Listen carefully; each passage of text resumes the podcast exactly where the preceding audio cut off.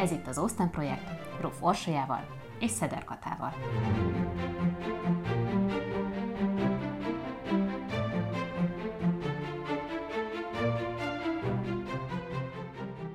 Jane Austen bő 200 éve a világirodalom egyik megkerülhetetlen alkotója. Összesen hat befejezett regény maradt ránk halála után, de még ezzel a szerény irodalmi hagyatékkal is az egyik legkedveltebb inspirációs forrása az irodalmi és filmes adaptációknak. Látszólag semmi másról nem szólnak könyvei, mint a férvadászatról, holott művei messze túlmutatnak a romantikus katuján, amelybe előszeretettel belegyömöszölik őket. Éppen ezért úgy döntöttünk, utána járunk a titoknak és megnézzük, mitől is olyan izgalmas és aktuális az Austen univerzum, még ma is.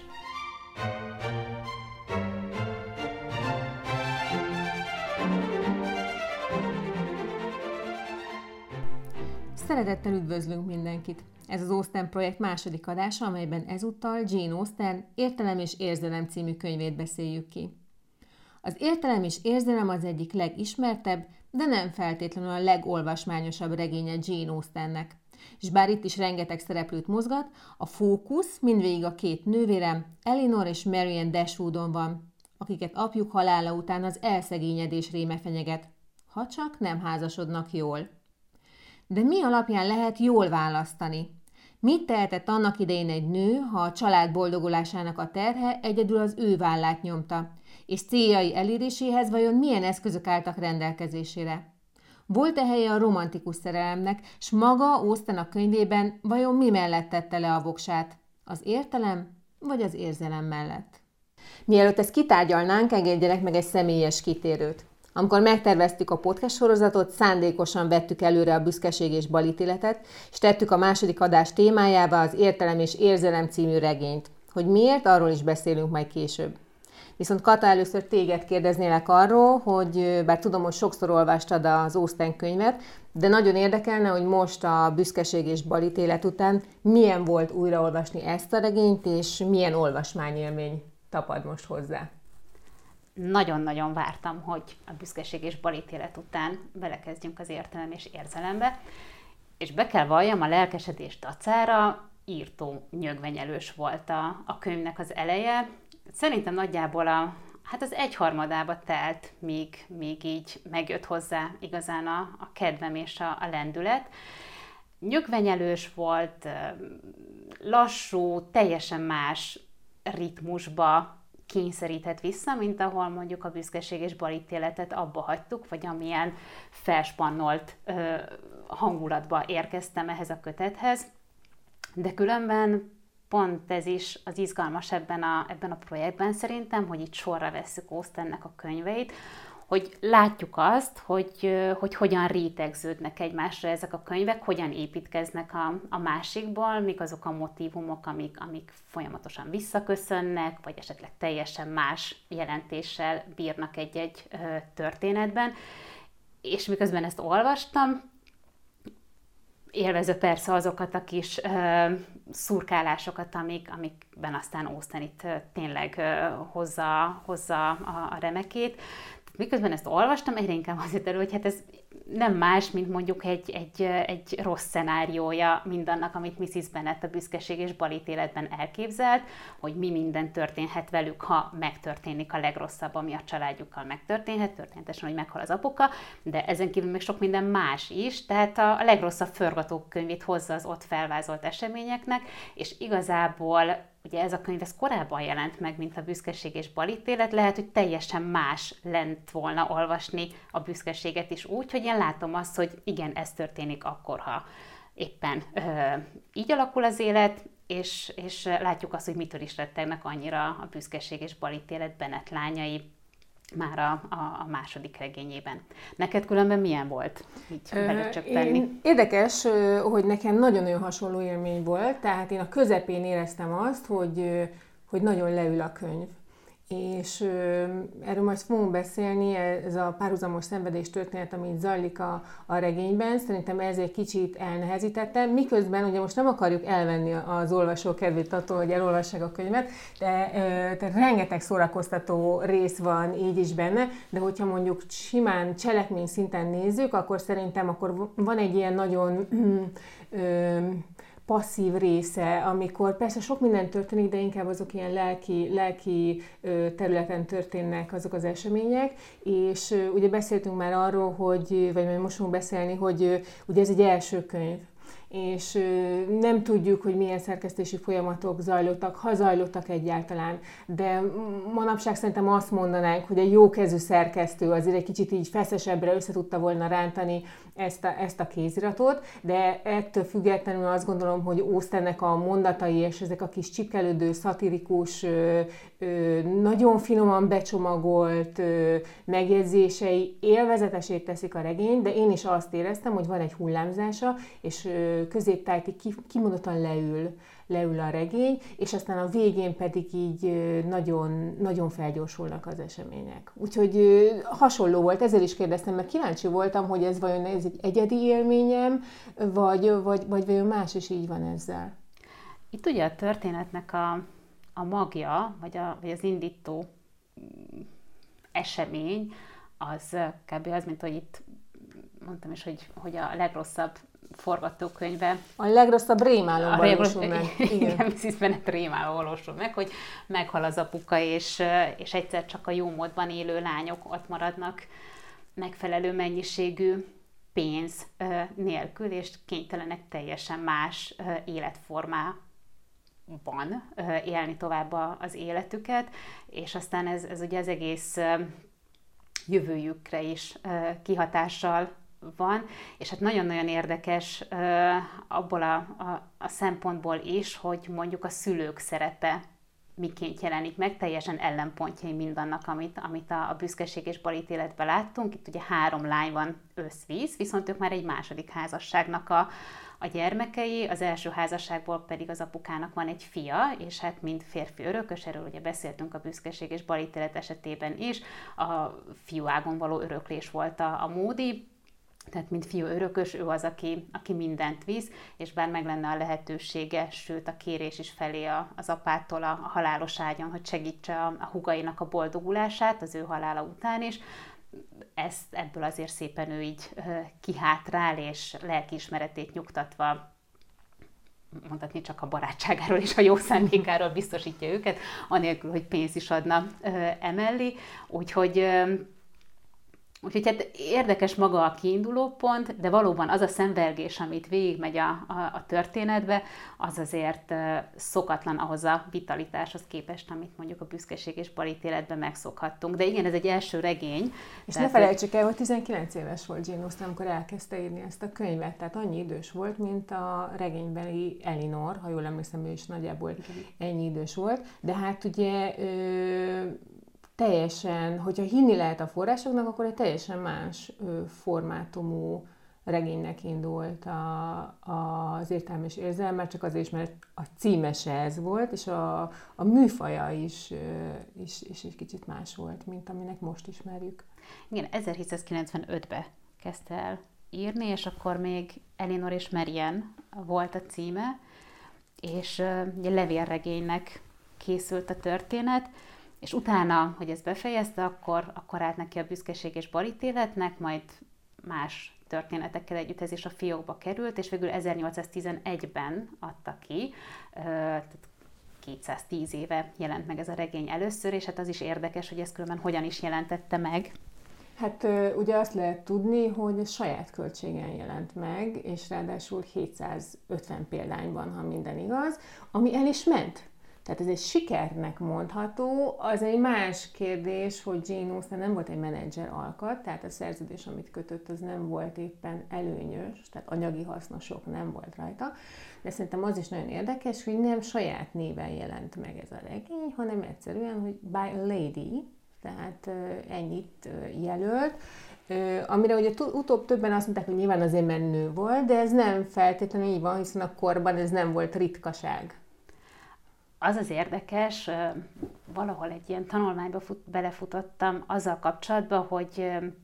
hogy az írói jelenlét az, az mennyire más volt mondjuk 200 évvel ezelőtt, és mennyire számított a személyisége, vagy a személye az írónak egy-egy ilyen könyv publikálásakor, vagy mennyire nem, és hát teljesen más volt a, a mód és a divat, mint amit már a, a megszoktunk, tehát az a fajta... Tehát nem egy személyközpontú Nem egy személyközpontú volt. volt, hanem sokkal inkább a regény beszéljen magáért, sőt, ebből így játékot is űztek, hogy direkt nem fették fel a kilétüket a, a műveknek az írói, hanem megjelent úgy, hogy mondjuk Buy a Lady, és a, a Pride and Prejudice, a büszkeség és balítélet pedig már úgy jelent meg, hogy az értelem és érzelem írójától, és aztán így következett egymás után a többi regény is, hogy, hogy ez az értelem és érzelem és a büszkeség és balítélet írójától van, és amíg Jane Austen élt, addig az ő regényei soha nem jöttek ki a saját neve alatt, és és hát ez tulajdonképpen így a 19. század másik felében változott meg, de múltkori részben is beszéltünk már Walter Scottról, Sir Walter Scottról, aki Jane Austennek a kortársa volt, és hát a kor legmenőbb írója, tényleg egy ilyen sikerszerző, akinek állítólag hajószámra vitték Amerikába a köteteit, ugye költő is volt, meg író is, íróként ilyen hőskölteményeket és régi mondákat feldolgozó történeteket írt, és még a költeményei a saját neve alatt jelentek meg, a novellái sosem. Vagy hát nem a novellái, a regényei, és, és ugye ebből sportot űzött, hogy még a családjának se árult el, hogy különben én írom, és ebből van a, a jólét és a pénz körülöttünk, és olyannyira élvezte a helyzetet, hogy, hogy amikor a család este összeült, és elkezdte olvasni ezeket a könyveket, akkor most, úristen, ki írhatta ezt, hogy ki ez a szerzés, hogy folyton mentek a találgatások, majd öt év után állítólag lebukott, de hogy hogy ő, ő, ő, ő számára ez egy nagyon-nagyon fontos játék volt, hogy, hogy névtelen maradjon, és aztán állítólag például az esetében egy ilyen fiatal londoni ügyvédbojtár volt, aki így elkezdte böngészni ezeket a könyveket, és megfigyelt motivumokat, amik folyamatosan visszatérnek ebbe a névtelen szerzőnek a műveibe, legyen szó mondjuk az időjárásról, vagy a tájleírásáról, vagy mondjuk, hogy a kutyák hogyan jelennek meg, és akkor elkezdett ilyen, ilyen kapcsolatokat találni, hogy hát a, a Walter Scottnak a versében a kutyák azok mindig ilyen nagyon-nagyon fontos szerepet játszanak, mindig valami pozitív ö, szerepet ráadásul, de hogy a regényekben, és ennek a fickó regény, vagy ennek valakinek a regényeiben is így jelennek meg ezek az állatok, és akkor így összekötött, hogy valószínűleg a Sir Walter Scott lehet a szerzője, és ezt meg is írta a, a kiadónak, aki ezt el is juttatta a, a Scotthoz, akiket nem, nem keserget, hogy a francba lebuktam, hanem meghívta magához a fiatalembert, aki alig várt, hogy találkozzon a, a, a sikeres szerzővel, majd megjegyezte a találkozás után, hogy teljesen csalódott volt, ugyanis mindenről lehetett beszélni a fickóval, csak a regényeiről nem. Tehát egyszerűen elzárkózott attól, hogy, hogy hol, hol vagyok én, és hol kezdődnek a műveim, aki velem találkozik, az Sir Walter Scott-tal találkozik, és nem pedig a híres íróval, és különben egy ilyen és ehhez hasonló történet a Jane Austen kapcsán is uh, van, egy, egy, egy levélben írta, a levelezéseiből maradt fent a történet, hogy akkor, amikor megjelent az értelem és érzelem, akkor voltak ilyen közkönyvtárak, és elmentek egy ilyenbe, ment velük a, a ment vele a nővére Cassandra és a, az egyik unokahuga az En, aki különben egy ilyen nagyon olvasott leányzó volt, és hát levette ezt a könyvet a polcról, meglátta, hogy értelem és érzelem, és hogy egy hölgy írta, és hát így visszatette, hogy úristen, ez valami szemét lehet, de szó szerint így, így minősítette, és hát este a Jane Austen a levelében azt írta, hogy hát úristen, teljesen el vagyok ragadtatva ettől a reakciótól, mert pont ez az, amit vártam, és hogy őróla is tudott, hogy hogy tesztelte a, a szomszédságot, az ismerősöket, hogy igen, itt egy regény, és hogy most jelent meg, és hogy neked hogy tetszik, és fú, ki lehet az, és, és élvezték ezt a helyzetet, másrészt pedig ekkoriban még a, az íróknak a, a, a nimbuszához hozzátartozott a szerénység, tehát lehet, hogy ők nem voltak annyira szerények, de ezt a látszatot, hogy ők, ő, ő, ő számukra ez egy ilyen kis semmiség, hogy évente megszületik egy regény, ezt azért fent kellett tartani, és hát tényleg érdekes az, ahogy ez elkezd majd átalakulni, és valóban az, hogy női szerzőről van szó, az itt ebben a korban nem osztott, nem szorzott, hiszen találtam valahol egy adatot arra, hogy az 1810-es, 20-as években, tehát mondjuk egy ilyen 5 éves intervallumban nagyjából 1500 regény jelent meg Angliába, ennek több mint a felét nők írták, úgyhogy,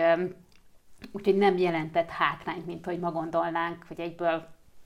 skatujába helyeznek egy könyvet csupán attól, mert nő írta. Ráadásul ez a By a Lady ö, megnevezés, ez kimondottan Avitnak hatott viszont már ilyenkor, mert akkor, amikor Jane Austen fiatal volt, az 1780-as, 90-es években, akkor ez még egy ilyen bevett formula volt, de mire ő publikálta ezt a könyvet ténylegesen, addigra, addigra a Bája Lady az, az egy ilyen nagyon kis régi módi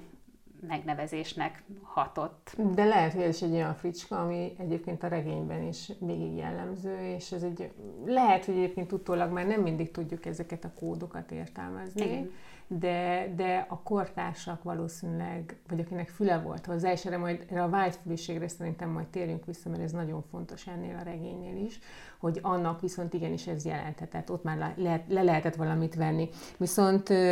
térjünk rá magára a regényre, ugye arról beszéltünk, hogy egészen fiatal volt, amikor elkezdte, és maga a regény ugye rengeteg átdolgozáson esett át, és te is mondtad, hogy ugye levélregényként indult, nyilván Elinor és Marian volt a két levelező,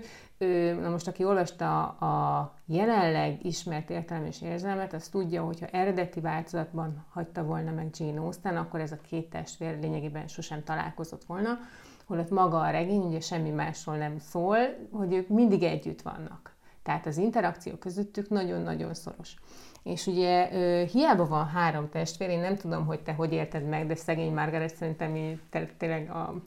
az Austen irodalom talán legfeleslegesebb szerző, szereplője, mert sok, sok babér nem jut neki, tehát sok feladatot ő nem kap. Ellenben a két, a két nővér az, aki, aki egy, két olyan fontos ellenpólusa is egymásnak, de de közben mégse lehet azt mondani, hogy ők, ők ellentétei, hiszen nagyon sok átfedés is lesz majd, de mégis az ő kettejük élete, párbeszéde az, ami egy nagyon sajátos dinamikát ad, a, ad az egész regénynek, és hát ugye itt megint nagyon hasonló a helyzetünk abból, ö, ahhoz hasonlítva, ami a büszkeség is balítéletben volt, csak ugye itt már megvalósul az, hogy elindul egy társadalmi lecsúszás, egy ilyen, hát ö, elszegényedésnek azért mégsem mondanám, de abba, ahhoz képest, amiben ez a család, a Deshú család ugye élt, ö, hát vissza kell venniük, nem lehet például lovat tartani, kisebb házba kell költözni, ami értelemszerűen hát megviseli a, a családtagokat, arról nem is beszélve, hogy egy rokon jó indulatának köszönhetik azt, hogy egyáltalán tető kerül a fejük fölé. Ebbe a könyvbe különben nagyon-nagyon szépen le lehet azt vezetni, vagy megérteni azt, és e, ezért is mondtam, hogy a büszkeség és balítélet teljesen más színben tud feltűnni, ha ezt olvassuk elsőként, vagy ismerjük már ezt a történetet, ugyanis itt levezeti az öröklésnek a mikéntjét, vagy mondjuk azt, hogy, hogy mennyi pénzed van, ha, ha van mondjuk ezer font vagyonod, ami a lányoknak egyenként van, akkor az évente mennyit hoz neked? 50 fontot, az nem valami sok. Tehát főleg, hogyha összehasonlítjuk, hogy mondjuk a, a büszkeség és balítéletben ott ugye ilyen évi 10 ezer fontokkal menősködhetett a Darcy, de mondjuk 4-5 ezer fontja volt a Bingleynek, tehát azért az évi 50 font az, az tényleg bakfigy, és, és hogy nekik összvisz így anyuka plusz három gyerek van 10 ezer fontja, ami 500 fontot hoz évente, tehát ez egy hatalmas nagy váltás ahhoz képest, amiből ők kiindultak. És hát szerintem ez a, ez a regény és a lényegét tekintve tökéletesen hozza azt a sémát, amit a, amit a büszkeség és bajteletben is megfigyelhettünk, hogy tényleg arról szól, ami a, ami, a, ami a címében is már benne van. Ugye a büszkeség első címe az első benyomások voltak, és ott az előítéletesség volt, amiről nagyon-nagyon sokat beszéltünk. Itt ez az értelem és érzelem, ez, ez meg abszolút mint egy ilyen ellentét pár tűnhet fel első blikre, aztán persze az le is írja a szereplőknél, hogy, hogy mondjuk már a Merian érzelmesebb, de azért nem értelmeket, tehát nem nélkülözi az értelmet, és mint hogy az Elinor is egy értelmes ö, valaki, attól még az érzelmek ugyanúgy mozognak benne. Tehát, hogy az ellentétek azok, amik, amik itt nagyon-nagyon mozgatják a, a történetet, és rögtön már jön ez az elején is, abból a, abból a kontrasztból, hogy honnan indulnak egy ilyen gyönyörű, szép Norland nagybirtokból, eljutnak a, a Barton villáig, aminek van összvíz három hálószobája, egy nappalia és minden más, ami még ahhoz kell, hogy a háztartást azt ki tudják szolgálni. Tehát egy teljesen más nívón folytatják az életüket, és ez a kontraszt, ahogy ezt ők is megélik, ez azért a regény elejében, vagy elején ott van eléggé hangsúlyosan, hogy hogy csiratják mindazt, amit hátrahagynak, és, és küzdenek azzal, hogy elfogadják a, az új helyzetet. Mondtad az ellentét párokat, és ugye kijelenthetjük, hogy az értelem és érzelem az az ellentétek regénye, és erre majd több példát is tudunk mondani, de szerintem kicsit beszéljünk arról, hogy aki mondjuk nem olvasta a regényt, vagy most készül arra, hogy elolvassa, ezt kicsit tegyük tisztába, hogy a két lány szereplő közül ki az, aki, ki az értelem és ki az érzelem a kettő, a kettő közül, mert ezt nagyon-nagyon fontosan végig fog jönni. Ugye egyrészt ott van Elinor, az idősebb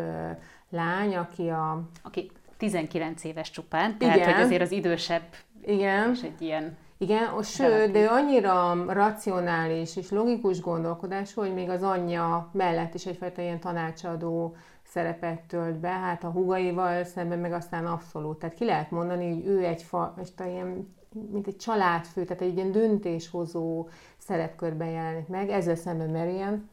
Ő pedig abszolút az érzelem vonalat képviseli,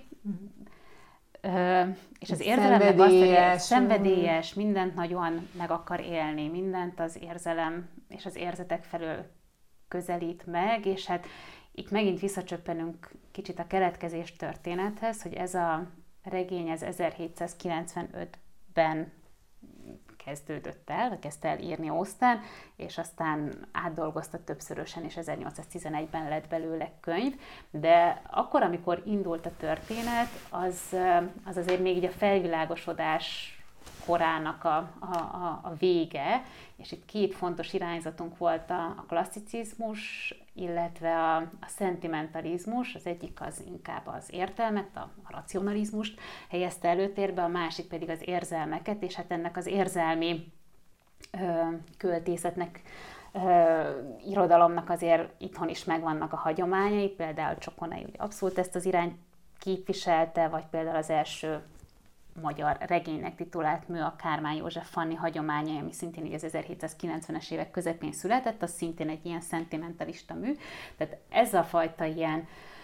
nagyon érzéki érzelmek felől közelített megélése a valóságnak, ez, ez akkor hatalmas nagy divat volt, és hát ennek a divatnak, a, a, ha nem is a kirobbantója, de az egyik legfontosabb irodalmi alkotása az Gőtének az Ifjú Werther szenvedései című műve volt, ami azt hiszem 1770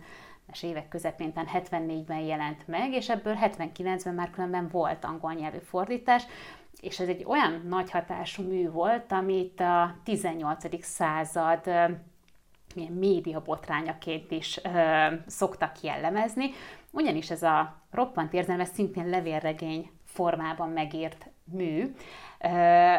ez egy divatot indított el, az érzelmes, szerelmes, az érzelmeit megélő férfiuk divatja az, az ekkor ívelt, kezdett el felfelé ívelni, akik persze nagyon szenvedélyesen esnek egyik végletből a, a másikba, és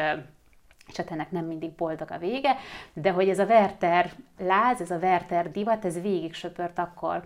Európán, és és például Napóleonról is így tudható, hogy az egyik legfontosabb irodalmi műnek titulálta ezt a, ezt a regényt, és vitte magával mondjuk az egyiptomi expedíciójára is, és gondolom többszörösen is újraolvas, hogy hát ő is ennek a kornak a, a, a szülöttje, ha Némis Péter. Tehát valószínűleg Austen erre erre is reagált, és mivel tudjuk, hogy ő nem egy ilyen divatkövető valaki, hanem, hanem nagyon is szeret ellene menni a, a, a fősodornak, mint hogy a büszkeség és balítéletben megalkotja Elizabeth figuráját, aki minden, csak nem, nem az akkori nőideálnak a megtestesítője, az önálló véleménnyel és, és, és cserfességgel és pimassággal. Tehát valószínűleg Osztenben már itt is ott volt az a, az a törekvés, hogy ő egyfajta ilyen kritikai hangot képviseljen a művébe, amit igazából most is ezekkel az általad túlírtnak mondott részekkel, és valószínűleg ezt a szemvelgést hozza vissza, hogy így, hogy már így, így sok, hogy most már lépjünk túl, hogy, hogy le is írja párszor, hogy Meriennek ezek a, a nagy szerelmi bánatai, hogy mondjuk nem bírt volna a családja szemébe nézni, hogyha ő kipihenten ébred a hatalmas nagy szerelmi veszteség után, és, és úgy kell fel, hogy, hogy nem fáradtabb annál, mint ahogy, ahogy lefeküdt. Tehát, hogy, hogy, hogy ez egyfajta divat is volt, amivel szintén ma valószínűleg nem tudunk már mit kezdeni, és ezért is egy picit ilyen idegen számunkra ez a, a mű. De ehhez képest mondjuk te, te hogy látod Elinor szerepét, aki meg kicsit ilyen valóban ellentétes pólusként próbál megjelenni, de közben meg közben meg ennél sokkal árnyaltabb tud. Na igen, de nekem pont ez a lényeg. Tehát szerintem nem Ósztán lenne Ósztán, ha nem lenne még egy plusz réteg ezeken a szereplőkön. Tehát ugyan, amit beszéltünk, hogy itt van ez a nagyon, ugye azt mondja Elinorról, hogy felettébb, értelmes és pár, páratlan ítéletű volt, és gyakran ellensúlyozta azt a lelkes buzgalmat, amit mondjuk az anyja meg a, a hugai mutattak, tudta, hogy hogyan uralkodik az érzemény, tehát egy abszolút egy ilyen kontroll személyiség volt szerintem, ami aztán később gondot is jelent, hiszen pont ő az, ami, aki különösebben nem tudja kimutatni, hogy, hogy mit érez, és akkor szemben itt van vele Merien, aki azt mondja, hogy buzgó bánatában, örömében, és nem ismerte az önmérsékletet, de közben nem egy ostoba, tehát azért mindkét lánynál megvan a másik, a másik pólus is, csak mondjuk nem az a domináns. Tehát szerintem ez, ami nagyon-nagyon jellemző ebben a regényben is, hogy a, a szereplőknek, miközben mindegyik megfelel egy archetípusnak, vagy legalábbis be tudod tenni egy skatujába, van egy, egy-egy olyan oldala, ami kicsit rácáfol, vagy, vagy színesíti, vagy árnyalja ezt a képet, és hát a kedvencem ebből a, ebből a szereplő gárdából, és hát nem is, a, nem is a kedvencem, sőt, egyáltalán a kedvencem, hanem inkább a, a legjellemzőbb példa mondjuk Edward, akit ugye mindenki rettenetesen sajnál, ugye Edward az a, az a fiatalember, aki, aki szerelembe esik Elinorral, ez egy, ez egy kölcsönös szerelem, és hát menet közben derül ki, hogy hát Edward évek óta titokban jegyese, ugye egy Lucy Steele nevű hajadon lánynak, és hát ez így ki, ki is derül viszonylag hamar, és akkor mindenki szenved, hogy szegény Edvárnak milyen borzalmas, amin én, én olvasás közben is mert teljesen ki voltam készülve, hogy hát ez egy, ez egy hazug. Tehát ez egy ilyen csélcsap, csélcsap hazug férfi, és, és valamiért mégis Austen egy happy, happy endet szánt neki, de, de ott is megjelenik az, hogy, hogy hát ennek a, ennek a jó fiúnak van egy, van egy titkos énje, vagy egy titkos oldala, amit, amit nem is feltételezne róla senki. Ha kimondjuk, hogy ez az ellentéteknek a, a regénye, és van egy ilyen kettősség benne folyamatosan, tényleg, ahogy mondod, ez a kettőség, ez ott van a, a személyiségekben is, és ami még így érdekes kettőség szempontjából, hogy hogy, hogy folyamatosan ellentétpárokat képez, de akár úgy is, hogy mondjuk vannak a Dashwood nővérek, Elinor és Marian, akik, akik így első ránézésre temperamentumokat, illetően tűz és víz, majd bejönnek a Steel nővérek, akik szintén, ha hasonló is a mozgatórugójuk, számukra is ez a megtalálni a boldogulást a maguk módján, és, és lehetőleg jólétben élni életük hátraevő részében. Tehát, hogy, hogy köztük is van egy ellentét, de mégis, de aztán párhuzamban van állítva a két testvérpár is, hogy, hogy milyen az egyiknek a viszonya a testvérével, milyen a másik viszonya a testvérével, hogyan, hogyan nevelték őket, hogyan viselkednek társaságba, kinézet, küllem, és akkor itt megint előjön az, ami, ami már a büszkeségben is ott volt, hogy mondjuk a neveltetésnek a fontossága, hogy a legnagyobb különbség köztük az az, hogy bár, bár értelmes és, és nem csúnya stíl testvérpár sem, de hiányzik az a fajta ilyen biztos, stabil háttér, ami a, ami a nevéltetés és a műveltség révén különbé teszi a, a Destwood lányokat. Tehát, tehát olyan ellentétpárokat hoz, amivel, amivel picit olyan, mint hogyha megpróbál egy ilyen, egy ilyen tanmesébe be navigálni minket,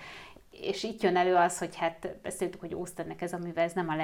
legnépszerűbb, és nem is könnyű olvasni. Most, hogy elolvastam egyszer a büszkeség után, nekiálltam még egyszer, és teljesen más rétegeket ö,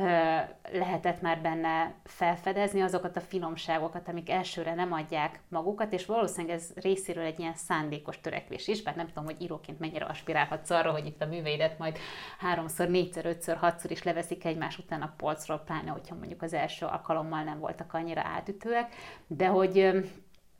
de hogy tényleg ezt, a, ezt az ellentmondásosságot, ezt folyamatosan hozza, és nem csak a szereplők jellemzésében, vagy jellemében, illetve a köztük lévő dinamikában, hanem, hanem magában a, a, a szituációkban, amiben, amiben uh, szerepelteti őket, vagy amiben helyt kell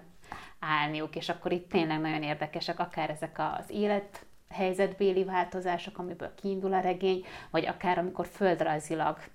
A-ból B-be mennek, és ott micsoda kontrasztokat élnek meg, és, és aztán szintén, amikor mondjuk ismételten új élethelyzetbe lépnek. De neked például egy ellentétek tekintetében melyik az, ami így Hát nekem, nekem hogyha egyet ki kellene emelni, mondjuk ez pont ez az Elinor és Lucy Steele, és a Lucy Steele szerintem azért is fontos szereplő, mert őre tökéletesen húzható, és akkor megint egy ellentétpárt mondok, mondjuk a számító nőnek a kategóriája, és vele szemben meg mondjuk ott van a gyenge férfi. Tehát mondjuk ott van ugye Edward, aki, aki ö, belesodródott ebbe a szerelembe, és egyszerűen nem tudja, vagy nincs mersze, vagy akarata, hogy kivonja magát ebből, és ott van Lucy Steele, aki, aki tényleg, neki aztán tényleg az a szándéka, hogy egy jó házasságot kötsön, és a jó házasság révén egy kényelmes élete legyen, és mindezek révén pedig szociálisan, tehát vagy társadalmilag feljebb lépessen a ranglétrán. És ugye, amikor kiderül ez a titkos jegyesség, és egy városra szóló botrány lesz belőle, és, és tulajdonképpen Edwardot ugye a, a vagyonos anyja kitagadja, és azt mondja, hogy viszont látásra, tehát nem kapsz egy fontot se az örökségből, és ugye a fivére Robert kap meg mindent, és hát mit ad Isten, Lucy Steele-nek az érdeklődése hirtelen megváltozik, mint a szélirány, és, és Robert felé kezd érdeklődni. Tehát szerintem ez a Lucy Elinor páros nagyon érdekes, hogy nagyon sok közös jelenetük van, amikor ugye Lucy az Edward iránti érzelmeiről és a titkos kapcsolatról beszél Elinornak, aki meg csendben szenved, ez alatt, és egyszer, egyszer sem borítja az asztalt, és mondja azt, hogy hát már pedig itt történt valami, nem is olyan régen, ami alapvetően írhatja át ezt az egész történetet, nem, ő inkább, inkább csendben marad, és az ő szenvedése egyébként ilyen szempontból ez a saját kontójára is írható. Tehát ő, ő sokkal passzívabb annál, és a saját boldogulását is a háttérbe szorítja inkább. Lucyben szerintem az az állok, és, és hát az a szép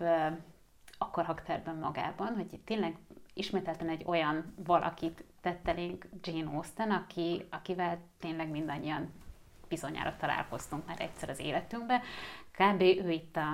a Viken figurája ebbe a történetbe, még ha nem is annyira intrikus, de hogy Lucy szerintem pontosan tudja, és ezt az Elinor is sejti, hogy, hogy azért az Elinornak van valami érzelmi kötődés az Edwardnak, mert erről viccelődik a társaság, ez, ez folyamatosan hetz tárgya, és hát úgy fordul a, meg hát tehát értelmes nőről van szó, és úgy fordul eleve a titkával az Elinorhoz, hogy látszik, hogy így nagyon el akarja mondani, de ilyen köntörfalazva áll neki a mondandójának, és hát nincs más, akinek elmondhatnám, és maga az egyetlen bizalmasunk, és jaj, szegény Edvárd, mennyire szerelmes belém, mert itt négy éve égességben vagyunk, de titkos, és, és nem, nem, nem lehet elmondani, és ő szerintem direkt kínozza ezzel a, a, az Elinort, hogy mindenféle részletet ö, közöl vele, hogy megmutatja a kis miniatűr portrét, amit az Edvártól kapott. Levágott a, hajtincs. A levágott hajtincs, hogy ugye látta a gyűrűt a kezén, és ez az Elinornak kb. egy sok, sőt, tehát ez konkrétan sokkolja ez az egész így egyszerre mondjuk 20 percen belül megkapva, mint információ halmaz, mert ő például látva Eli, Edvardnak a kezén a, a gyűrűt a hajtincsel, ami, ami ekkoriban már nagy divat volt, aztán a viktoriánus korban ez ez eszkalálódott, hogy emberek különböző részét ékszerekbe foglalva hordták a, a, a szeretteik. Tehát, hogy ő azt hitte, hogy az az ő hajtincsa, amit Edward titkon ellopott, és, és, és hordja magánál, mint egy ilyen szerelmi zálog, és nem, hát kiderül, hogy ez a, ez a Lucyhez tartozik, és, és akkor bizonyára itt már egy komoly érzelmi viszonyról van szó, és nekem két dolog jutott eszembe, miközben itt mondtad a Lucy Edward viszonyt. Az egyik az, hogy valószínűleg, hogyha én ezt hallanám Elinor helyében Lucy áradozását, hogy ők különben itt titokban az Edward jegyese már négy éve, és hogy mennyire szerelmesek egymásba, és jaj, szegény fiú mindig hogy le van törve, amikor, amikor el kell őt hagynia. Tehát kb. azon hogy, hogy úristen, ha valakinek Lucy az eljegyzett mennyasszony, akkor én ezen a listán nem szeretnék szerepelni, és nekem inkább nem is kell az Edward, de hát az Elinor nem így reagál, hanem átgondolva a történeteket, jaj, szegény fiú bizonyára, hogy megbánta ezt a fajta elköteleződést. És akkor itt jön be a másik, hogy, hogy megbánta az elköteleződést, és egyáltalán milyen lehetőségei vannak egy fiatal embernek egy, egy eljegyzést követően, Ö, igazából semmi. Tehát neki az ígéretét teljesítenie kell, hogyha úriember szeretne maradni. Hát máskülönben persona non grata lesz ez Máskülönben, igen, és az az érdekes ezekbe az eljegyzésekbe, és és ugye ez a büszkeség és balítéletben ennyire nem jelent meg, szerintem Jane Austennél még fogunk ennek a protokolljával és a visszásságával találkozni, de itt, itt Lucy és Edward esetében nagyon markásan megmutatkozik, hogy ugye a nőknek nincs sok lehetősége lépni a férfiak felé, hiszen hiszen társadalmiak nem elfogadott, és éppen ezért botrányos az, ahogy, ahogy Merien viselkedik, vagy ahogy mondjuk a büszkeségben Lídia is viselkedett, de itt Merien részéről abszolút, mert egy olyan bizalmasságot enged meg Vilövivel kapcsolatban magának, amit tényleg azt feltételezi mindenki részéről, hogy ők biztos, hogy eljegyezték már egymást, különben ezt a fajta közelséget és intimitást nem engedhetnék meg maguknak. Bocsi, hogy közbeszólom, ugye van az a jelenet, amikor kettesben elmennek háznézőbe. Igen. Ami kettesben teljesen, elkocsikáznak igen, valahova. teljesen ellentmond mindennek, amit akkor annak idején megengedett. Sőt, van olyan is, hogy ugye levág egy tincset a Willoughby a Marian hajából, ami szintén, ugye itt az Edward esetében is szó volt a, a gyűrűről, tehát ez egy ilyen szerelmi zálog, amit jegyesek adnak egymásnak. Vagy amikor mondjuk a Marian Londonba érkezve levelet ír a Willoughbynek, és Zelinor meg van róla győződve, hogy, hogy akkor, akkor itt történt valami, megtörtént a, a, a lánykérés, máskülönben férfi és nő uh-huh. nem levelezhet egymással. Tehát, hogy a, a, a nőknek erre nem volt ö, lehetősége, nem engedte a társadalom, és hát a társadalmi normák, hanem várni kellett arra, hogy majd a férfi lép. Viszont onnantól kezdve, hogy a férfi megteszi ezt az aktust, felmérte a terepet, beszélgetett, csitálgatott, vonzónak találja, elhatározásra jut, onnantól kezdve a nőnek két lehetősége van, vagy igent, vagy, vagy nem, viszont ha igent mond, akkor onnantól kezdve a férfit, mintha egy ilyen jogi aktus lett volna, köti a, a, a megállapodás, és nem hátrálhat, tehát eljegyzést férfi nem bonthat fel, csak a nőnek van arra lehetősége, hogy, hogy azt mondja, hogy köszönöm, mégsem kihátrálok belőle, mint amint különben a Lucy ugye el is gondolkodott, hogy jaj, szegény, hát itt mennyi szenvedést okoz neki, és már gondolkodom azon, hogy, hogy, hogy felmondjam a jegyességünket, de hát nekem is mennyi szenvedést okoz, és ugye a végén ő az, aki látva, hogy van itt jogpart is a családban, azt mondja, hogy mégse ha nem legyen a testvére. Tehát ugye ez is olyan, hogy, hogy gondolhatjuk Pipogyának az Edwardot, és különben szerintem az is valamilyen szinten, de neki nem volt erre lehetősége, és hozta az úriembertől elvártakat azzal, hogy jó, akkor fittyet hányok az örökségre, a, a biztos megélhetésre, és belevettem magam a semmibe, mert az adott szókötelezés. Inkább leszek boldogtalan, mint sem nem úriember a, a társadalom szemébe. Egyébként, ha belegondolsz, ugye Edward és Lucy annak idején azért kötöttek titkos eljegyzést, mert szerelmesek voltak egymásban, vagy volt valami fellángolás, és akkor titokban eljegyezték egymást, és teltek, múltak az évek, és aztán ez a szerelem elmúlt, vagy ellaposodott, vagy jött más, ugye mondjuk Elinor szemében, de ha ebben jobban belegondolunk, azért Austen egy elég sarkos ítéletet is mond, mond ezzel a, az érzelmi alapú házasságkötésekről. És, és akkor megint visszakanyarodunk oda, ami, amiről a, a büszkeség és balítélet kapcsán már beszéltünk, hogy, hogy mi a házasság alapja. És miközben itt a a mai beszélgetésünkre készültem, találtam egy, egy olyan forrást, ami ugye arról szól, hogy ugye a 18. század végén volt az angol közéletben egy elég széleskörű diskurzus arról, aminek az volt a középpontjában, hogy mit ér a házasság szerelem nélkül, illetve mit ér a házasság pénz nélkül. És hát ez egy ilyen, nyilván a vélemények már akkor is megoszlottak, de a John Williams, a híres szatirikus, aki Anthony Pascal néven is alkotott, ő írta 1790-ben azt, hogy a szerelem pénz nélkül olyan, mint a méhkas méz nélkül és hát nyilván erre voltak kontra-dekontra vélemények, de arra, abból indulok ki, hogy Jane Austen, aki egy, aki egy nagyon nyitott személyiség volt, hát nyilván, nyilván hozzá is eljutottak ezek a, ezek a cikkek, meg ezek a viták, tehát ő is hallott róla. Tehát én biztos vagyok abban, hogy, hogy amikor ezeket a könyveit írta, ezek a gondolatok is ott voltak a, a fejében, mert szerintem ez egy nagyon-nagyon fontos kulcskérdése a regénynek, hogy mi alapján, sőt ez, ez a legfontosabb kérdése, hogy mi alapján hozzuk meg az életünkben a fontos döntéseket. Hogy a racionalitás, a logika alapján, vagy inkább az impulzusaink, a szenvedélyünk, az érzelmeink visznek a döntés felé. Mit gondolsz erről? Itt is előjön az előítéletesség kérdése, témája, és picit visszakanyarodva az ellentétpárokhoz, nagyon-nagyon, hát szerintem szintén klasszikusnak számító, és, és mai nap is sokat látott formációt testesít meg Mr. és Mrs. Palmernek a, a, a kettőse. Nekem a kedvenceim nagyon jó, amikor feltennek a színemet, élettel töltik meg. Igen. Élettel töltik meg, és nagyon jól ellenpontozzák Igen. ezt az életet a, a, a párbeszédükkel, vagy hát igazából nem is párbeszéd, mert elbeszélnek egymás mellett. Ugye egy fiatal házas párról van szó, 20 pár évesek a rokonsághoz tartoznak immelámmal, és a Mrs. Palmer egy, egy folyton beszélő csacska, nagyon kis dekoratív, kerek, mosolygos valaki, aki, aki vagy nevet, vagy vagy kacag, de hogy, hogy ez a kettő szerepel igazából az ő kedély spektrumán, míg a Mr. Palmer egy ilyen nagyon kimért, nagyon-nagyon fennhordja az orrát, nagyon megválogatja azt, hogy kihez szól és, és milyen mozdulatokat tesz, és hát meg is egyzi a Mrs. Palmer, aki látszott teljesen nem érti azt, hogy a férjében éppen milyen folyamatok zajlódnak le, hogy hát jaj, a Mr. Palmer mennyire vicces, folyton goromba, folyton rossz kedve van, vagy hogy jaj, Mr. Palmer soha nem hallja, amit mondok, jaj, de vicces. Tehát, hogy ő ezeket így túlcsacsog és elcsacsog, és és a soha nem Jane Austen fogalmaz meg véleményeket, meg ítéleteket a, a könyvekben, hanem mindig ugye az főszereplőjén keresztül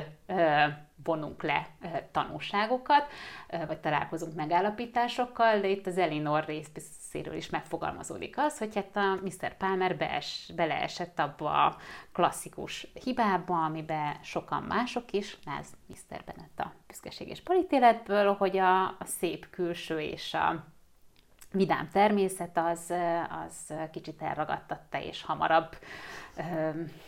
megkérte a hölgy kezét, mint, mint felmérte volna különben a, a többi képességét. Úgyhogy hát most ezzel kell együtt élni, és ezt szerintem ki is mondja Mrs. Palmer akkor, amikor úgy kiderül, hogy ő várandós, hogy na, most már nem szabadul tőlem sehogyan sem. De hát ezzel maga a nő is tisztában van, de tényleg ez nem, nem annyira jön át, hogy ő most valóban egy ilyen kis ostoba teremtés, vagy,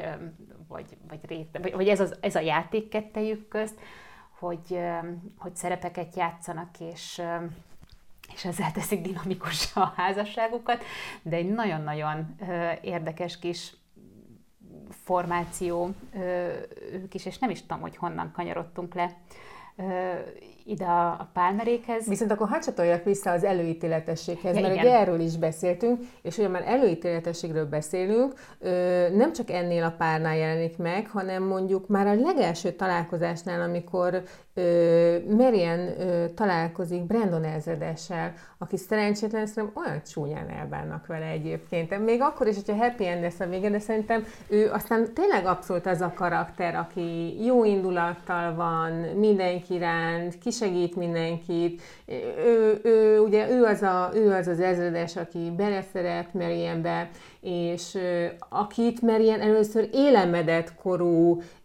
vénemberként kezel, most azért tegyük hozzá, és szeretném, ha most ezen a ponton beszélnénk erről, aztán majd vissza fogunk kanyarodni az előítéletességhez, de hát ez egy iszonyú érdekes pontja ennek a regénynek, hogy Brandon ezredes 35 éves. És akkor ott van Mrs. Dashwood, aki tényleg, most próbálom itt megkeresni azt a, a, a jegyzeteim között, hogy hogyan ö, azt mondja, Mrs. Dashwood derék egészséges asszony, amiből arra gondolunk, hogy ez egy idősebb hölgy, majd hozzáteszi, és alig 40 esztendős. És egész végig úgy van beállítva, mintha ez egy vénasszony lenne, és ugye a Brandon ezredes és 35 éves létére ugye élemedett korú, meg roskatag, meg nem is tudom, hogy hogyan jellemzik. Teszem hozzá halkan, korban ők ketten közelebb állnak egymáshoz, hiszen alig 5 év választja el őket, de ez fel sem merül, hanem ugye Brandon ezredes a 10, hát nem is tudom, Marian talán 16, 17, 17 tehát Igen. valami tényleg abszolút ilyen, ilyen kamaszlány a mai fogalmaink szerint, tehát az fel sem merül, hogy az öz, özvegye asszonya köse össze az életét, és ez az egész kor ábrázolás, ami már megvolt a büszkeség is balítéletnél, szerintem a kortárs olvasó, és most a saját korunkat értem, szerintem teljesen más az érzékelésünk, és hogy ennek szerinted mi lehet az oka, hogy ennyire félrevisz, holott ott van benne a regényben, hogy hány évesek az emberek. Tehát ugyanúgy, hogy a pénz mindig megjeleníti, hogy ki, kinek mennyi a vagyona, ugyanúgy megjelenik az is, hogy ki hány éves. Mégis úgy érzékelhetjük, mintha sokkal idősebbek lennének ezek a szereplők. Szerintem ebben is lehet különben egy ilyen fricska. Tehát a, tehát Jane Austennek, amikor megjelent ez a műve, akkor a 30-as évei elején volt, tehát már maga is túl a bűvös 27-es ö, számon életkoron, ami a, ugye beszéltük, hogy innen az előző részben, hogy, hogy ez az utolsó, amikor... Már még, nehéz nyerni. Igen, innen. innen már nehéz nyerni és férjet, férjet szerezni. Tehát lehet, hogy ebbe is van egy ilyen kritikai hang, hogy, hogy egyszerűen leírjuk ezeket a különben még, még fiatal embereket, akik akkor se voltak idősek, tehát a büszkeség és balítéletben is megbeszéltük, hogy Mrs. Bennet mai napig egy vonzó nő, és szintén lehet 41 vagy 42 éves, és itt a, a Mrs. Dashwood valószínűleg szintén nem egy, egy csúnya teremtés, van három gyönyörű lánya, tehát hogy valószínűleg még neki is lenne esélye arra, hogyha ha nem az őzvegy szerepére rendezkedett volna be, de valószínűleg itt nagyon sokat nyomnak alatba, különben azok a nem is korabeli illusztrációk, de ha az 1800-as évek második felében kezdtek el ilyen, ezekkel a klasszikus, most nem fog eszembe jutni az illusztrátor neve, de az ő rajzéval az Austen művek, ahol, ahol viszont már tényleg így öreg emberként ábrázolják a, a, a szülőket, holott valóban 40 éves emberekről beszélünk az esetek zömében, és a másik, ami meg nagyon-nagyon megtévesztő, és én valószínűleg ezért mindig is előítéletes voltam ezzel az értelem és érzelemmel, azok a filmes adaptációk, ahol szintén általában egy 10-15 évvel idősebb színészt választanak egy-egy szerepre, mint ami különben a regényben az életkora lenne, és a, az értelem és érzelmet különben a a fókuszba valószínűleg így, így az utóbbi 30 évben az 1995-ös adaptáció hozta, amit Ang Lee mm-hmm. rendezett, és Emma Thompson írta a forgatókönyvet, ezért azt hiszem Oscar díjat is kapott. Ellen Rickman játszik benne, Kate Winslet, Hugh Laurie, ő játsza a Mr. House, mm. vagy a Dr. House szerepében elhíresült Hugh Laurie játszott például a Mr. Palmer, ezt a gőgös figurát, tehát hogy, hogy ott is egy bő 10-20 évvel idősebb színészek játszák, bármennyire is remekek és szuperek lennének erre a szerepre, de mégis úgy elviszik a, a, a fókuszt, és sokkal, sokkal megkeseredettebb karaktereket hoznak, már csak a korukból adódóan is, különben, mint amit a regény feltételez. Most belegondoltam Brandon ezredésbe, és aki valóban egy ilyen jó szándékú valaki,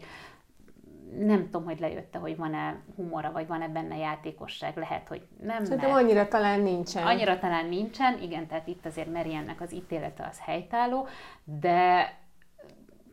de hogy azért így unalmas, de lehet, hogy nem tűnne annyira unalmasnak, hogyha tényleg nem folyton egy ilyen, mint hogy mondja is a Merian azzal, hogy flanel mellényt hord, tehát az öreg emberek hordanak flanel mellényt, és akkor ilyenkor elkezded ha kellő ilyen érzékekre nyitott ember vagy, ugye érezni azt a klasszik ilyen nagypapa vagy öreg szagot, amitől meg messze van, tehát 35 éves férfiről beszél. Egyébként ez nagyon fontos, amit mondasz, és pont itt vissza is csatolnék az illusztrációkhoz, és a ruhához, mert ugye szerintem ez az a kor, amikor nem úgy öltözködtek az emberek, és még nagyon-nagyon sokáig nem úgy, ami mondjuk a, a koruknak, vagy akár az évszaknak megfelelő, hanem a társadalmi szokásnak és a társadalmi pozíciónak megfelelően. Tehát, hogyha egy nő férjhez ment, most én nem vagyok tisztában a, az angol, a 19. századi angol öltözködési szokásokkal, de feltételezem, hogy mondjuk kalapot kellett minden ö, szituációban hordani, vagy bizonyos ruhát, vagy bármi más, és akkor lehet, hogy ez az, ami eleve öregíti, tehát maga a társadalmi szerep öregít, és nem a biológiai kor. Mert közben én azt érzem, hogy itt azért van némi különbség a társadalmi kor és a biológiai Igen. kor között. Tehát szerintem, ha ma 2021-ben azt olvasom, hogy a Mrs. Dashwood 40 éves, akkor van egy képem egy, egy élénk csinos 40 éves nőről, miközben ugye maga a Ószten megjelenítésében azért ez egy minimum egy 15-össel idősebb nőnek tűnik. Olyannyira meg volt határozva, hogy, hogy miket hordhatsz, nem csak ugye a ruhadarabok tekintetében, ugye klasszikus ez a pártában maradt, tehát a magyar népviseletnél a párta jelezte azt, meg mondjuk a, a cof vagy a kibontott haj, hogy még még hajadon vagy, és aztán amikor férhez mentél, akkor konyba köthetted, és kellett a főkötő, ez a, az adaptációban mindig ilyen mókás, mint az Ósztán adaptációban mindig ilyen mókás, mint egy ilyen fürdősapka, úgy néznek ki ezek a, a főkötők, tehát igen, hajadon fő, a kifejezésünk is innen jön. Tehát, hogy fedetlen fővel egy, egy, egy asszony, egy férjezett nő az már nem, nem lehetett a társaságban olyan nagyon, vagy pedig nagyon-nagyon ö, haladó gondolkodásúnak kellett valószínűleg lennie ahhoz, hogy így jelenjen meg, de hogy illet, ö, illet elfedni a hajat. És a másik például, ami így érdekes, hogy, hogy színkódok voltak. Tehát az, hogy te milyen színű ruhát hordasz, akkor már messziről látszott, hogy te nagyjából milyen társadalmi státuszú vagy, mert a fiatal lányok ezekben a kis pasztelpuder, rózsaszín, babaszínekben villoghattak, a fiatal asszonyok az élénk, sárga, piros, rózsaszín, tehát a, tényleg topzódhattak a palettába, és aztán ahogy így haladtál előre korban, meg mondjuk gyerekek száma, élethelyzet hasonló, ugye egyre komorabb és visszafogottabb lett az öltözködés, hát egyre kevesebb részt mutathattál meg mondjuk a testedből, egyre zártabb nyakkivágás hasonlók, és hát őzvegyként valóban a Mrs. Dashwood, ugye még a gyászében vagyunk bőven, tehát bizonyára egy ilyen sötét ruhatárral bírt, ami szintén rátett még arra egy lapáttal, hogy, hogy a kora az, az igazából mennyinek is érzékelhető, és mennyi valósan, de különben nem csak ebből a szempontból, hanem úgy egészében szerintem itt az, amit már a büszkeség esetében is pedzegettünk, a társadalomnak a szerepe, illetve az ő értékítélete, az nagyon-nagyon nagy szerepet játszik, és igazából talán az ellentéteknek is, mondjuk a két lány közti ellentétnek a zömét is ez adja, hogy hogy viselkednél, és mi az, ami, mi az, ami elvárt. Egyébként ezen a ponton visszacsatolnék megint kicsit az előítéletességhez, pontosabban berántanám ide, és berántanék egy új szereplőt, akiről még nem beszéltünk, de egyrészt nagyon-nagyon szórakoztató, másrészt nagyon fontos szerepe van, hogy ez a Mrs. Jennings nevű nőrokon, aki szintén egy idősebb nőrokon, hát ott sem vagyok meggyőződve, hogy ez egy öreg asszony lenne, minden esetre úgy van ábrázolva, és ugye ő az, aki három hónapra befogadja a londoni házába a két Dashwood nővért, és akkor a élénk társasági életet élnek. De hát ugye ez a, ez a szereplő, aki boldog-boldogtalant összeboronálna, és mindenféle fél információk, megérzések és pletykák alapján páros, ugye ő is megint visszatérünk a párokhoz, megint párosokat hoz létre, egy, egyfajta ilyen 19. századi korai Tinderként működik, és így mindenki próbál összeboronálni és összehozni, és, és hát ugye igen, tehát itt jön be megint a, a, a, az, hogy mit enged meg a társadalom, hát mit engedett meg, hát ülhetsz otthon, és akkor vár, várhatsz arra, hogy majd történik valami. Tehát nagyjából ez történik, a lányok elmehetnek egy-egy ilyen mulatságba, de nagyjából az van, hogy ők ott vannak a Mrs. Jenningsnek a házába, és várnak. Tehát várnak, hogy jöjjön egy levél, várnak, hogy jöjjön egy látogató, várnak, hogy történjen bármi. Ami, hogyha egy belegondolunk, ez egy borzasztó passzív szerepre kárhoztatta ezeket a nőket. Megrettentően kiszolgáltatott. Tehát, mint ahogy ez egy levélregény volt eredetileg, meg itt is több levél szóba kerül és megjelenik a, a történetben, konkrétan, mint levél is, és mint ahogy beszéltünk a büszkeség esetében is, hogy mennyire hagyatkoznod kell arra, ami vagy plegyka szintjén eljut hozzád, és egyáltalán kiben bízol, kiben bízol meg, milyen információkat veszel tényként, egyáltalán ki, ki mit figyel meg a másikba, és tud továbbadni, mint, mint, mint jellemzés vagy információ. Másrészt a levelek, tehát hogy annyira korlátozott volt a, a tájékozódásnak a, a lehetősége, vagy annyira ilyen előítéletességgel teli, hogy egy, tehát egy ilyen nagyon klaustrofób érzetet alakít ki szerintem, és lehet, hogy ezért is volt nehéz olvasni ezt a, ezt a sok szenvedést, mert nem látod a kitörési pontokat, a lehetőségeket, és ehhez képest akkor valóban Marian figurája, aki, aki úgy, úgy dönt, hogy nem érdekel, hogy csak ő tudja, hogy nem jegyesek, erre ugye nem mer rákérdezni a család, de hogy csak ő tudja, hogy nem jegyesek, és különben nem írhatna a Willoughbynek, de egyszerűen ebbe a tétlenségbe bele, bele bojdul, hogyha, hogyha nem tesz valamit, és, és lép az irányba, hogy, hogy valami visszajelzést kapjon, aztán vagy kap, vagy nem kap. Utat enged az érzelmeinek. De utat enged az érzelmeinek, és, és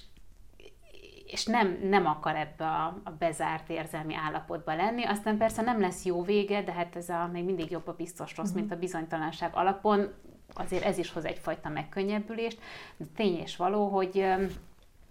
hogy hát más eszközöd, azon kívül, hogy türelmesen vársz és viselkedsz, mint egy jó kislány, nincs. És ugye ez az, ami ellen folyamatosan lázadozik a Merien, itt-ott ilyen túl, túl csordulva és túl érzelmesen, és valószínűleg, hogy egy ilyen balanszban lenne az ő szóvirágos áradozása azzal, ami, amit ő különben képvisel, akkor sokkal mondjuk szimpatikusabb lett volna számomra is, de hogy igazából pont azok ellen a normák ellen kezd el lázadozni, amit mondjuk a büszkeségben már az Elizabeth is hoz, hogy,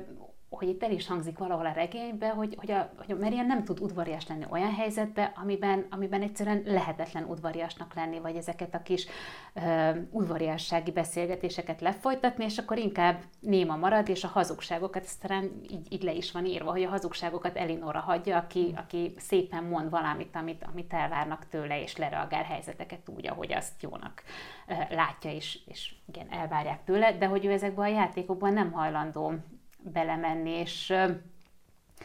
és hát pont ez lesz aztán a, a tragédiája is, hogy mert ki tudja, ha másként viselkedett volna, valószínűleg Willoughbyvel, akiről még szintén nem beszéltünk, ugye Willoughbyvel akkor sem sikerült volna ez a, ez a románc úgy, ahogy szerette volna, hiszen a Willoughbynek olyan olyan dolgok voltak a kontóján, amivel, amivel lehetetlenség volt egy, egy boldog házasságot és családot felépíteni. Egyébként a Willoughbyről beszélünk, akkor ö, említetted, hogy a, a Lucy-t Vikemmel, a büszkeség és balett Vikemjével tudnák párhuzamba állítani, de közben ők is egy iker karakter, tehát a két, a két regényben a két fiatal férfi, ugye szintén itt beszéltünk az előbb a gyenge férfiakról, hát itt inkább egy ilyen számító férfi jelenik meg az ő személyükben, tehát ugye Willoughby az, aki a legvégén ki is mondja Elinornak, hogy hát nekem kellett a pénz. Igen. Hát ő egyértelműen a vagyonra ment rá, és úgyhogy ebből a szempontból ő egy viszonylag könnyen kiismerhető figurája ennek a regénynek. Most ez Meri ennek a tragédiája, hogy ezt esetleg, ha fel is ismeri, de ugye nagyon nehéz elengedni ezt, a, ezt az érzelmi, érzelmi kötődést ehhez a férfihoz. De nem tudom, hogy hogy valóban könnyen felismerhető figurája-e. Tehát azon gondolkodtam például, és erről csináltunk is a, a, most a Könyves Magazin Instagram oldalán egy ilyen szavazást, hogy, hogy, hogy az, aki szavazott, ő inkább a Merien vagy az Elinor És mi lett karakteréhez érzi. Te mire tippelsz különben? Én Merienre. Hogy inkább Merien? Én azt gondolom, igen. Nem, 63-27 százalék arányban Elinor e, nyert, és azon gondolkodtam, hogy e, valószínűleg ez már ilyen életkori e, megfontoltság vagy bölcsesség is lehet, hogy, hogy ahogy egyre több ilyen tapasztalatod van, akár emberekkel, akár mondjuk valóban így a kapcsolatok tekintetében, tehát egyre, egyre óvatosabban állsz hozzá, vagy, vagy máshogy tudsz már dekódolni gesztusokat és, és megnyilvánulási formákat, de, de akkor, amikor tényleg ilyen 16-17 évesen nagyon végletesen látod a világot, és nagyon, nagyon az érzelmeid megélésén és kiélésén vagy, és el nem tudod képzelni, hogy kompromisszumokat kössél a saját boldogságodat illetően. Tehát, hogyha valaki ezt 17-16 évesen olvassa, 14-15, sokkal közelebb állhat hozzá Meriennek a karaktere, és sokkal könnyebben is tud vele azonosulni, hiszen az, amit Merien csinál szerintem, ahogy, ahogy kínozza magát a szerelem emlékével és a közös percek felidézésével, és azokat a zeneszámokat játsza, és azokon a, a, az ösvényeken sétál, és azokat a könyveket és költeményeket olvassa, az, az mindaz, ami, amin azért a tinik egy jó része át szokott esni hasonló érzelemdús időszakában. Tehát tök érdekes az, hogy, hogy egyáltalán kivel és hogyan azonosulunk, és hogy a, a, a Willoughby az, az valóban hozza azt, ami egy ilyen, ami ez a szentimentalista Werther típusú ideál volt, hogy igen, fejből szavalja ugyanazokat a verseket, amiket én, a regényekből ugyanazokat az idézetek a kedvenceim, mint, mint nekem, ráadásul fes, ahogy, ahogy ő megjelenik ebbe a történetbe, az is már egy ilyen nagyon regényes, hiszen a zuhogó esőben a kibicsaklott lábú Merient a karjába kapja és viszi hazáig, és majd eltűnik az esőben, tehát hogy még drámaibb legyen a fellépés, ez szerintem a regény így is írja le, tehát eltűnik az esőben, tehát Willoughby elsőre egy ilyen nagyon szimpatikus valakinek tűnik, kicsit sok, de különben azért annyira nem, nem gyanakott.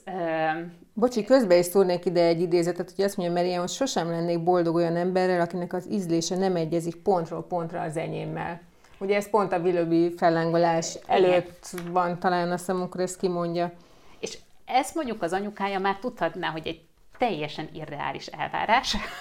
de, de 17 évesen valószínűleg el nem tudod képzelni, hogy ez bármiképp másként lehetne. És a bilögőben az a, az a, az érdekes, és ettől válik a, a karaktere ugye izgalmasabbá, meg persze negatívabbá is, hogy ő, ő játsza ezt a játékot, de teljesen tudatosan játsza ezt a játékot, tehát kb. mint egy ilyen receptkönyv elkezdi megvalósítani azt a fogást,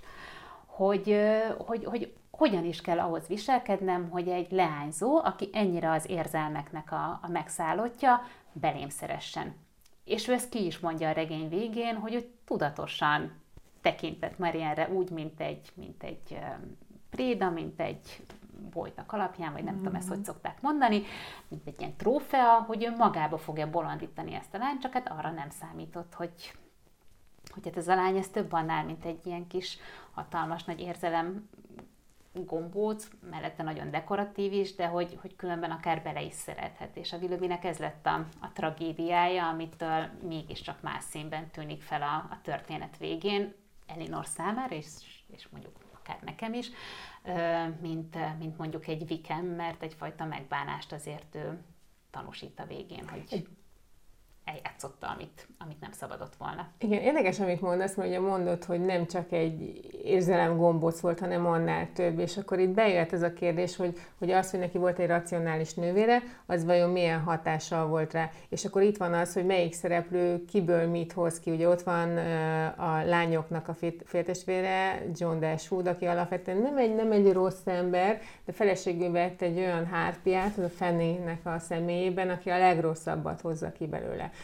Tehát ez is egy érdekes, hogy amikor Austen egymás mellé pakol szereplőket, hogy azok, azok milyen,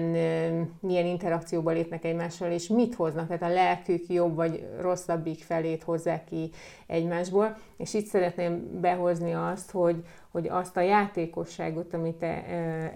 Austen végig, végig játszik, és ez a nyelvezetben is megfigyelhető, és ugye beszéltünk arról, hogy, hogy levélregényként indult az egész, és, és lehet tudni, hogy hogy a kornak a, a kommunikációs eszköze volt a, regény, a, a levél, és, és az Austen nővérek nagyon gyakran úgy fogalmaztak, hogy egy ilyen, ilyen dupla hangú levelet írtak egymásnak, tehát volt egy, volt egy olyan jelentés rétege a levélnek, amit mondjuk a rokonság előtt fel lehetett olvasni, de a, a fülűek, és itt jön be, amit a beszélgetés elején is mondtuk, hogy kell egy fülűség, tehát a fülűek kihallottak belőle olyan dolgokat, ami esetleg a nagy többségnek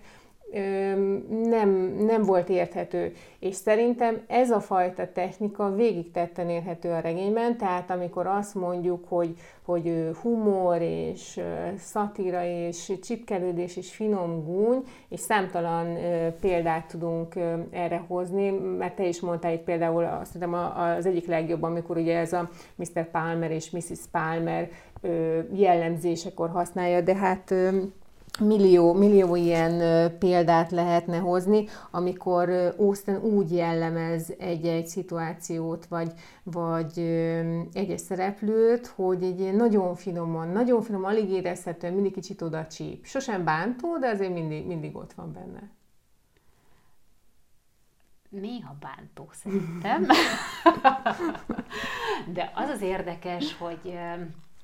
tehát a, a bántásnak a, a foka, hogy kivel milyen hangot mer megütni, vagy mer megüttetni a szereplőivel,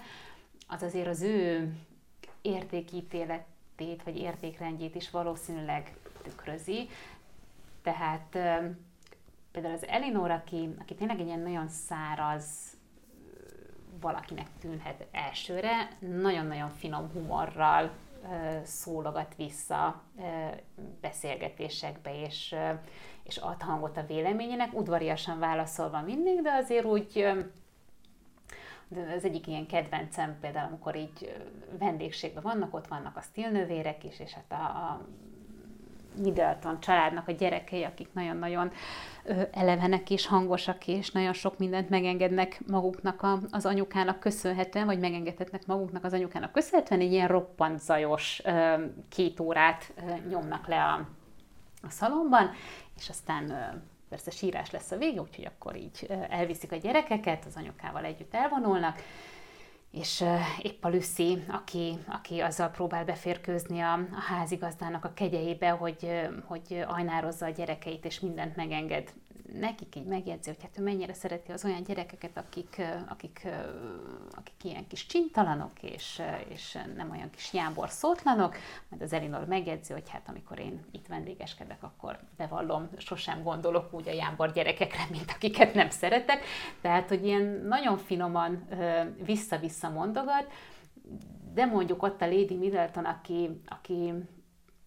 tényleg semmi értékelhető értéket mondhatni nem képvisel a regénybe, egy vagyonos snob valaki, akinek nagyon-nagyon fontosak a, a külsőségek és a, a társadalmi pozíció, ő vele azért itt többször elbánik, akár az, hogy mondjuk anyaként hogy létezik, vagy feleségként hogyan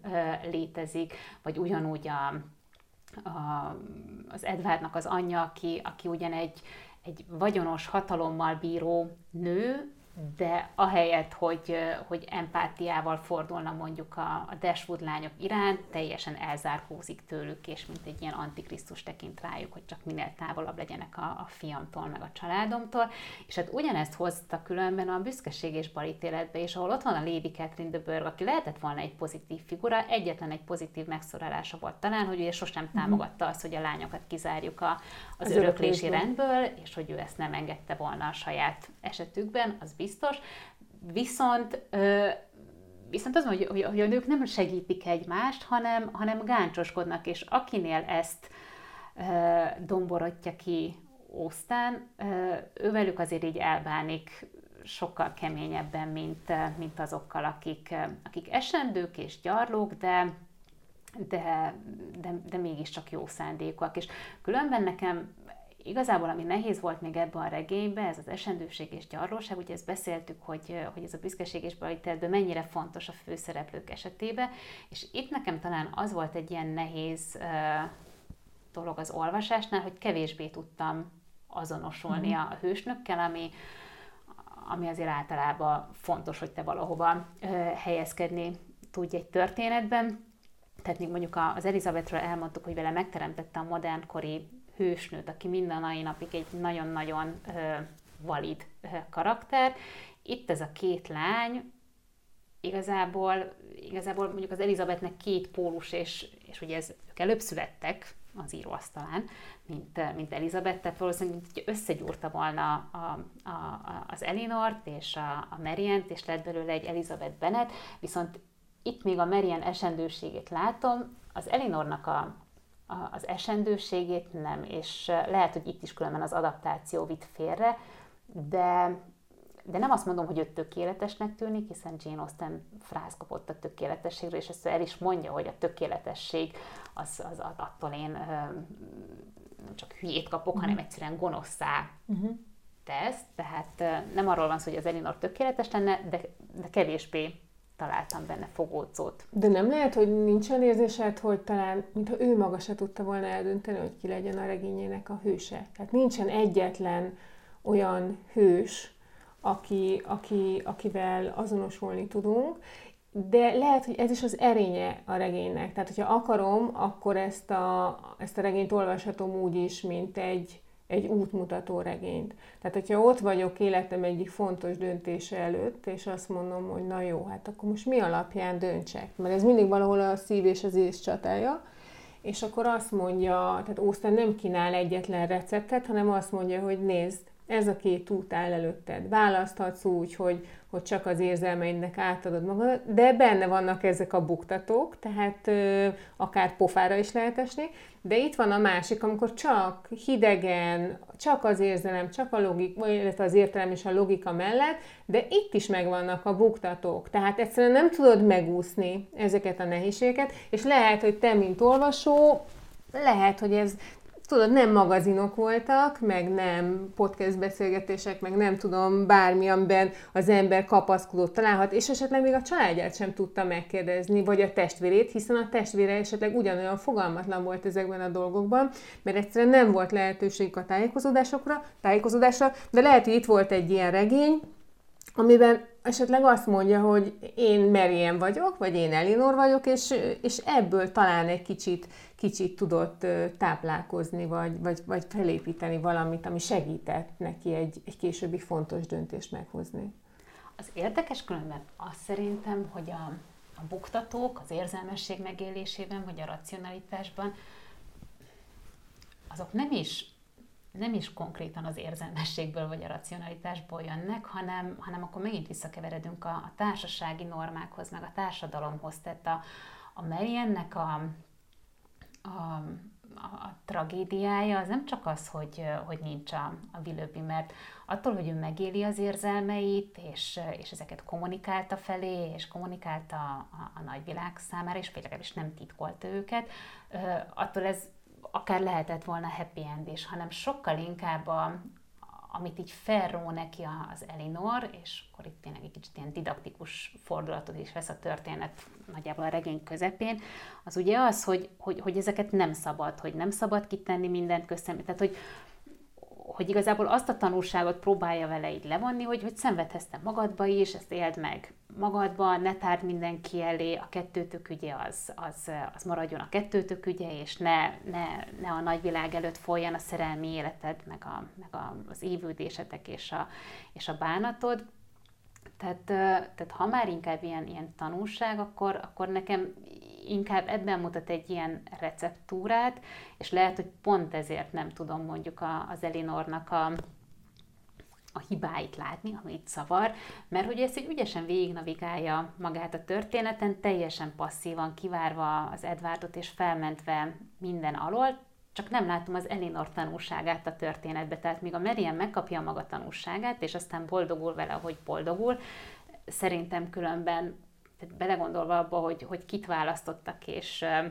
és hogyan élik a, a, az életük hátralévő részét, azért egyik se tűnik ilyen nagyon happy endes történetnek. Tehát az Elinor megkapja végül az Edwardot, de nem tudom én hány száz fontból tengődnek életük végéig a parókián a Brandon ezredes szomszédságában. Egy idő után mondjuk a, a ugye a, a